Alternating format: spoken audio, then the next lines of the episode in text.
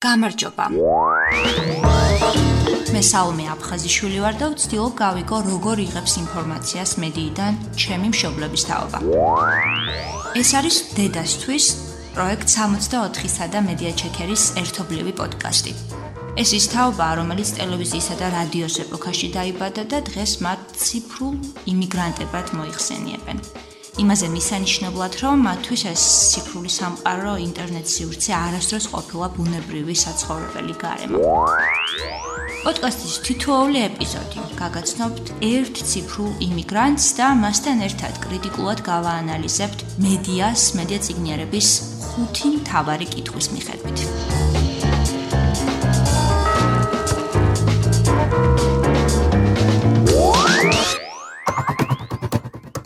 ვინ შექმნა ამბავი?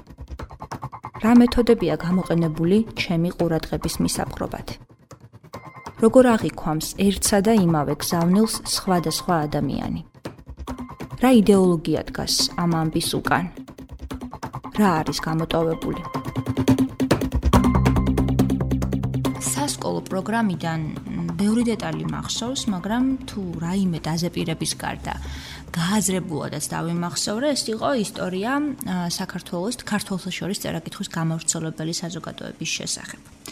ვიცით რომ ერთ საუკუნეზე მეტი ხნის წინ დაარსდა ეს საზოგადოება და მნიშვნელოვანი როლი ითამაშა ქართული საზოგადოების პროგრესულ საზოგადოებად ჩამოყალიბების საქმეში, ამას მგონი არავინ დაობს. აი დღევანდელი პოდკასტის გმირი თანამედროვე საქართველოს 21 საუკუნის საქართველოსში არანაკლებ მნიშვნელოვან საქმეს აკეთებს.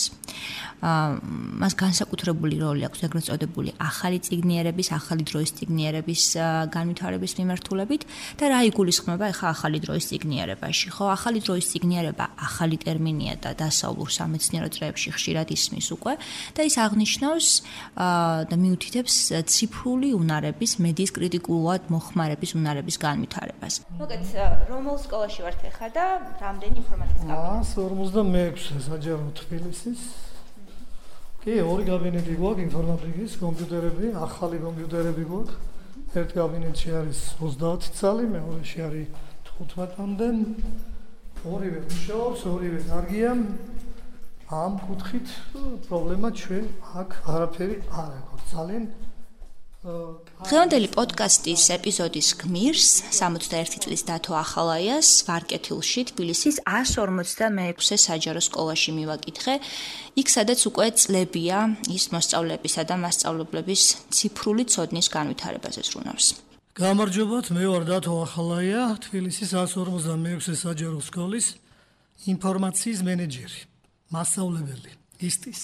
ისტი აბრევიატურა ინფორმაციული საკომუნიკაციო ტექნოლოგიების საგნის, ანუ ინფორმაციული საკომუნიკაციო ტექნოლოგიები, ისტი, რომელიც რამდენიმე წელია საქართველოს ეროვნული სასწავლო გეგმის ნაწილია, თუმცა როგორც გავიგე, ახალი სასწავლო წლიდან მას ახალი სახელი ექნება, ეს არის კომპიუტერული ტექნოლოგიები და მეორე კლასიდან შევა ის ყველა მოსწავლის ცხოვრებაში. და თუ ახალაა ციფრული უნარების განვითარებაში არ მარტო მოსწავლეებს, არამედ უფროსებსაც ეხმარება და მას ეს გამო გამოცდილება უკვე 15 წელზე მეტია დაუგროვდა. დავდიოდით რეგიონებში, სოფლებში, როცა ჯერ კიდე კომპიუტერები და ინტერნეტი ძალიან ნაკლები იყო, ან ძალიან ცუდად მუშაობდა და მაშინაც ვასწავლიდით პედაგოგებს, მასწავლებლებს კომპიუტერის მოხმარების წესებს. აა იყვნენ 22 წლიდან და ზევით უკვე მე მყავდა 85 წლის სპორტის მასწავლებელი, მაგალითად აბაშაში რომელიც მეხვეწებოდა რომ ასწავლე მეილის მუშაობა მეილთან და როცა შევეკითხე რა გინდა, იმიტომ რომ მოსწავლეები მიგზავნიან რაღაცებს და მე არ ვიცი მისი გახსნა, შვილი შვილი ბღავს საფრანგეთში და ის რო წერილს მიგზავნის მე ის წერილი მინდა გავხსნა და ასე შემდეგ. სხვათა შორის აა ასაკთან დაკავშირებით მინდა ვთქვა, რაც უფრო ასაკშია ადამიანი, აა თითქმის ყველას უჭირს შემდეგ აა ამ ციფრულ ტექნოლოგიებთან ურთიერთობა. ანუ მასშტაბლებლები სწავლობდნენ და ეწეოდნენ მოსწავლეებს, იმიტომ რომ მოსწავლეები რომლებიც ამ ეპოქაში დაიბადნენ, იმათ უფრო კარგად ესმით ციფრული მოწყობილობები და ისინი ძალიან თამამად ისე რომ არეშინიათ შეცდომების დაშვების მუშაობენ ყველა ასეთ მოწყობილობაზე. ინფორმაციას მეუბნება, რომ ძირთადად მობილურით იღებს, რადგან დღეს გაზეთებს აღარავინ კითხულობსო, ესეც მითხრა. თუმცა ნდობას მაინც ტრადიციულ მედიას უცხადებს. და ყველაზე მნიშვნელოვანი, ჩემთვის ყველაზე ღირებული აი სიმართლე რო ვთქვათ, ღირებული არის, როცა მანქანაში ვждდები და მანქანით ვისმენ ახალ ამბებს მანქანაში. თუ გადაადგილება ხშირად მიხდება და ამიტომ მნიშვნელოვანი არის მანქანა, როცა მანქანაში ვждდები, ჩვეულებრივად ვრთავ ახალ ამბებს რომელიმე არხზე არა ვაქვს დაზუსტებული ხან ერთზე, ხან მეორეზე, ხან მესამეზე გადავდივარ და იქიდან ვგებულობ ახალ ამბებს. ну მიახლოებით მაინც ახლა თლად ზუსტი ინფორმაცია შეიძლება არ იყოს, მაგრამ ანალიზის მიხედვით ლოგიკურად ხვდები რომელ არხს აქვს უფრო ზუსტი ინფორმაცია მოძებნებული.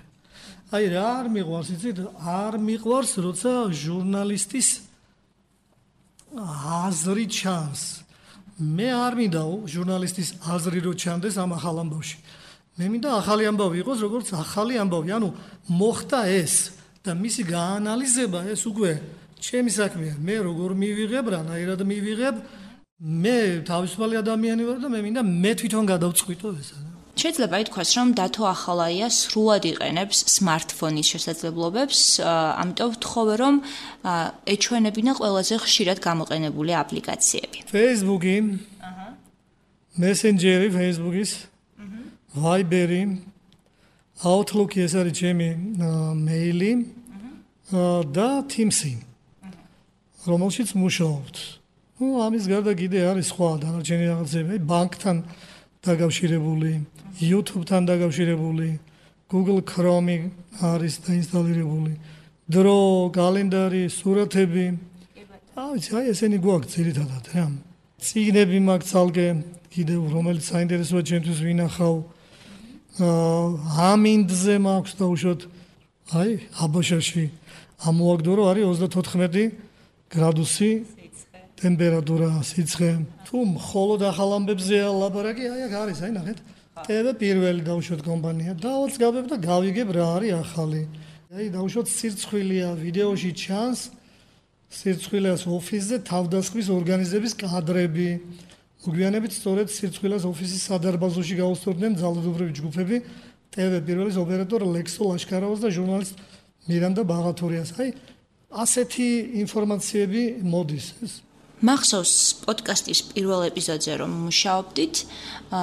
დედა ჩემი იყო პოდკასტის პირველი ეპიზოდის სტუმარი და მან მითხრა რომ როცა ინტერნეტში ინფორმაციას ეძებს მას აქვს ყოველთვის მიზანი. იცის რას ეძებს და რატომ ეძებს. და ძალიან საინტერესო იყო რომ მეორე ეპიზოდის გმირმაც დათო ახალაიამაც იგივე გამეორა ჩემთან საუბარში. თუ არის ჩემთვის პროფესიონალურად საინტერესო? აი სადმე განათლებაზე თუ არის იმ საიტებზე ვჩერდები განათლება ბავშვები მასშტაბლებლები გამიზნულად ყურადღების გამახვილება ისეთ თემებზე, რომლებიც გვაინტერესებს და შესაბამისად ყურადღების მოდუნება ისეთ თემებზე, რომლებიც არ გვაინტერესებს და არ უკავშირდება ჩვენს საქმიანობას, ნამდვილად მომგებიანი სტრატეგია ინფორმაციული ხმაურისგან თავის დასაღწევად, რაც მე პირადად ვერასდროს ვერ გამოვიმუშავე, მაგრამ არც ესე მარტივად არის საქმე. დღევანდელ ციფრულ და ინფორმაციულ სისტემაში უკვე დიდი ხანია საუბრობენ ყურადღების ეკონომიკაზე, ანუ იმაზე, რომ ადამიანების, იგივე იუზერების, ხო ადამიანების ციფრულ სამყაროში მათი ყურადღება იყიდება. და ამაში კონკრეტული კომპანიები, პოლიტიკური პარტიები, ორგანიზაციები ძალიან დიდ ფულს იხდიან. ყურადღებისთვის ომში იქნება შეჯიბრში, კი მომგებიანი სტრატეგია ხდება ინფორმაციის სამიცნე ჯგუფზე მორგება. ანუ მაგალითად, როცა Facebook-ზე რეგისტრირდება ახალი პროფილი, ახალი ანგარიში, რომელიც ამბობს, რომ არის 60 წლის მასწავლებელი თბილისიდან, ის ავტომატურად ექცევა განათლებასთან დაკავშირებული ინფორმაციის მიზანში, ხო? აა და რაც უფრო მეტი ინფორმაცია ეგზავნება მას, მით უფრო მეტი ინფორმაციას მოიხმარს ის, რაც უფრო მეტი ინფორმაციას მოიხმარს ის, მით უფრო მეტი ინფორმაცია ეგზავნება მას. ანუ ეს ხდება რაღაც ჯაჭვური რეაქცია. რატომ გავაკეთე ხა ისეთი დიდი შესავალი, ხო? სანამ დაუბრუნდებით ისევ ჩვენი პოდკასტის გმირს. ზუსტად იგივე მოხდა დათო ახალაიას შემთხვევაშიც, როდესაც ვსაუბრობდით, მან აღნიშნა, რომ ჩემი newsfeed-ი ხშირად სავსეა ხოლმეო განათლების თემაზე შექმნილი საინფორმაციო ბმულებით. და მაშინაც ვსაუბრობდით, შემთხვევით ესეთი ასეთი დასახელებით ვიდეო ამოუვარდა მას newsfeed-ში. ასე რქვა, განათლების დონე საქართველოში და მოდი მოусმინოთ, რას ამბობდა ეს ვიდეო. რა წაისვა ცოტნე დადიანმა. მაწონი თაფლი თუ მურაბა? სად? სეულზე არაფერი მადლობა. სად მდებარეობს მდინარე რიონი? ახალ გვინეაში კახეთში თუ სვანეთში? აა სვანეთში. მადლობა რომელი მოდელის მანქანა შეიძინა სიცოცხლის ბოლოს გიორგი ბრწყინვალემ? ფიატი პორშე თუ ვოლკსვაგენი შეიძინოს. თეატრი ალბათ. ხოლმე საუკუნეში დაწერა დავით კლდიაშვილმა დიდოსტატის მარჯვენა. მერვე მეათე თუ მე-15 ვიცი. მადლობა. რომელს ნახეთ რაღაცა კორესპონდენტი რომელიც ქუჩაში ხალხს ესაუბრება ნუ ამას განათლებას არ ჭირდება რა ვიცი ახლა რა უნდა გითხრათ? გიორგი ბრწყინვალე რომელი ავტომობილით სარგებლობდა რომელი ავტომობილი შეიძინა ხო? ახლა ვის უნდა ვკითხოთ ეს? მე ჩვენ რო გავიდეთ ალბათ 100 ადამიანიდან შეიძლება ერთმა არ იცოდეს ხო? თუმცა აქ ჩანს რომ ბევრმა ეს უბრალოდ სენსაციისთვის არის ალბათ ეს ადამიანი შეეკითხა 15-ს და იმ 15-დან ერთ-ერთი აღმოჩნდა 100-ი და მხოლოდ ეს დააფიქსირა და ეს მაჩვენა ამ წუთში მე თორემ მე მაქვს ურთიერთობა ბავშვებთან და განათლების დონე საკმაოდ ნორმალურია ამ ბავშვების რა არ არიან ჩვენი ბავშვები ცუდები, ჩვენი ბავშვები საკმაოდ კარგი განათლებული ბავშვები არიან. ამ ძალიან ზუსტი შეფასების შემდეგ აღარც დავიჭვებულ ვარ, რომ მედია ციგნიერების ხუთი მთავარი კითხვა ზუსტადაც აი ამ ვირუსული ვიდეოსთვის უნდა დაგვესვა. ჩემთვის ძალიან საინტერესოა, არ ვიცი, თუნდაც ამ ვიდეოს წარმომავლობის გარკვევა, ვინ არის, ხო? აი პირველი მესიჯი, ვინ შექმნა მესიჯი? კითხვა. ვინ შექმნა ეს ვიდეო? შეგიძლიათ რომ გავაკვიოთ? კი აქ წერია სახელი და გვარი ალბათ რა ნახოთ აი კახი კარკაშაძე ა კარკაშაძე ალბათ კახი კარკაშაძე გააკეთა ასე და მოდერატორი არის ჩანს რომ ეს არის ეს ბიჭი ვიღაცა რომელმაც დადო ესა რომ GMTV-დან არის გაშვებული მიუყვეთ კიდევ შემდეგი კითხვა. რა მეთოდებია თქვენ თვითონ წაიკითხეთ და ამ ვიდეოს მიხედვით ვუპასუხოთ ამ კითხვას? რა მეთოდებია გამოყენებული ჩემი ყურადღების მისაღწევად? რა თქმა უნდა, პირველ რიგში ჩემი ყურადღების მისაღწევად არის გამოყენებული ასეთი ნაწერი: განათლების დონე საქართველოში. ეს შეიძლება რა თქმა უნდა მნიშვნელოვანია, იმიტომ რომ მე ამ სფეროს მუშაგი ვარ და მაინტერესებს როგორია განათლების დონე საქართველოში. და ამიტომ იმ წუთში შევდივარ აქა და ვაცკაპებ. აი ეს მეთოდია გამოყენებული, მე მგონი რომ ჩემი ყურადღება იქნეს მიბღრობი. არასწორად არის შერჩეული ადამიანები და არასწორად არის შერჩეული კითხვებიც. ეს არის უფრო იქითკენ რომ აი დააბნიოს ეს ადამიანი და რაღაცა სენსაცია გამოიწვიოს, აი ნახეთ როგორი დონეა განათლების საქართველოში. აი ამისთვისაა გაკეთებული. ანუ შეერჩეულია მხოლოდ ის ადამიანები, რომლებიც ვერ პასუხობენ, ან არასწორად პასუხობენ, ან სისულელეს პასუხობენ რა და ასე არ უნდა მუშაობდეს ჟურნალისტი. ამოარჩიეს და სიუჟეტში მხოლოდ ესენი გაუშვეს რა. ვისი კითხვებიც, ვისი პასუხებიც იყო სენსაციური რა. როგორ აღიქონს ამ მესიც სხვა ადამიანი? ახლა ჩემს გარდა აქ 310 ადამიანს აქ. ნანახი 450 ადამიანს აქ. კიდევ გაზიარებული ეს არ არის ცოტა რაოდენობა მაგრამ მე მაინც მგონია ეს არის გაზიარებული იმიტომ რომ ვიღაცამ კიდე ნახოს და გაიცინოს. ყოველ შემთხვევაში რაც წერია იმას ვერ გაიგებ. ანუ განათლების დონე საქართველოში ამით ვერ შეამოწმებ რა. ამის თქვა მინდა რა ტიპის შეხედულებები, ღირებულებები ასახული ამ მესიჯში. მე მგონია რომ დაანახონ ის ადამიანები, აი ყველა სხვა ადამიანთან ერთად ასეთი ადამიანებიც არიან საქართველოს მოქალაქეები რა. რომელთაც არიციან, რომ გიორგი ბრწყინვალე რომელ საუკუნეში მეფობდა და რომ ფიატით არ დადიოდა რა. ამ ადამიანმა ან შემკვეთმა აა უთხრას ვიღაცა აი ნახეთ რა ცუდი დონე გვაქვს განათლების რომ ჩვენ ვართ გაუნათლებლები და აი ნახეთ ესეც კი არ ვიცით ასეთი ადამიანების მონახვა არა მარტო საქართველოში არამედ ნებისმიერ სხვა ქვეყანაში შეგვიძლია. ანუ გააჩნია რა როგორი ადამიანისგან იღებ ინტერვიუს. რა არის გამოტოვებული?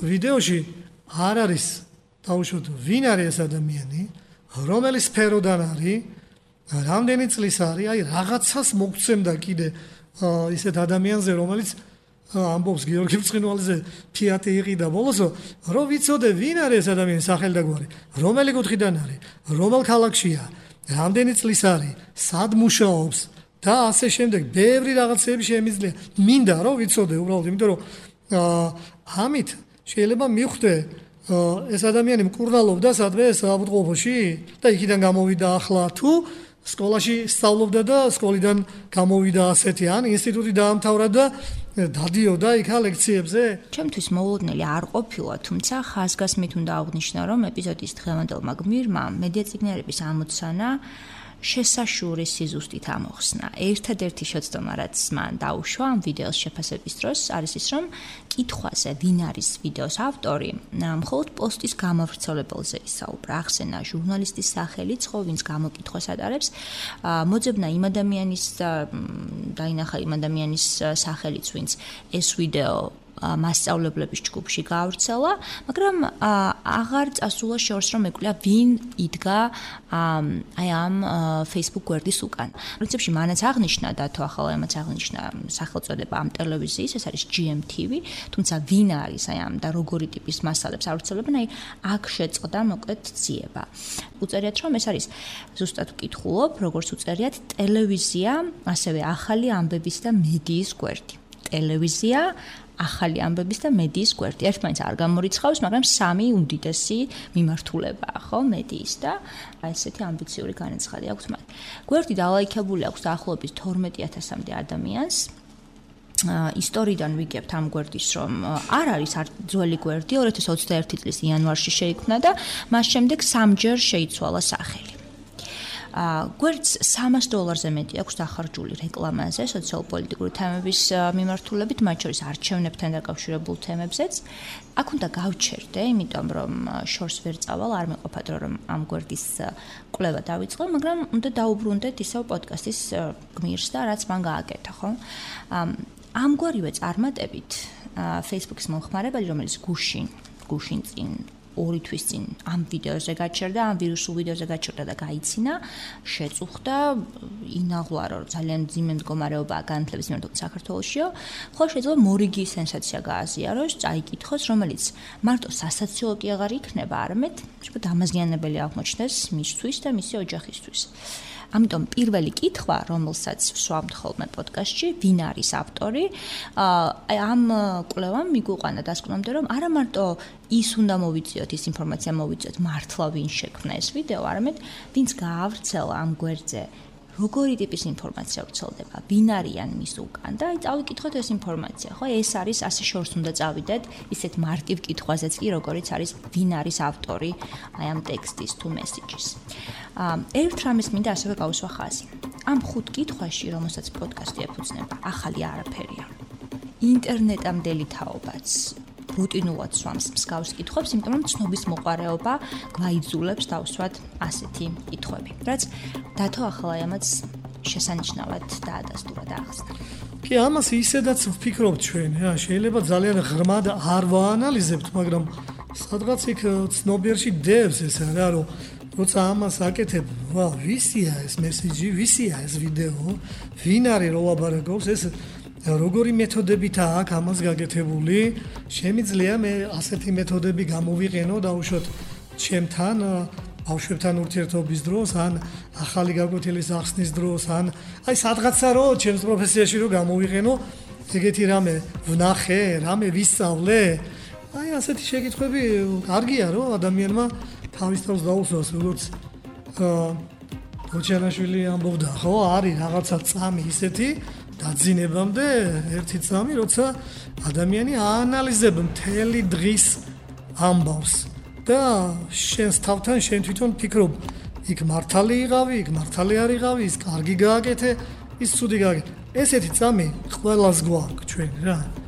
მთელი ჩვენი მოქმედებების ზერუჩი არის აქ ახლაც თქვენთანაც უზამე თქვენ შევხვდით აგერ აქაც შეიძლება გამიჩნდეს ესეთი კითხვები ხო? აი რამდენად სხვა დროს რომ მოხვიდეთ იგივე კითხვებს და დაუშვათ როგორ პასუხებს გავცემ? და ასე შემდეგ. ეს საინტერესო იყო მადლობა დიდი ეს იყო დედასთვის. პროექტ 64-სა და მედია ჩეკერის ერთობლივი პოდკასტი.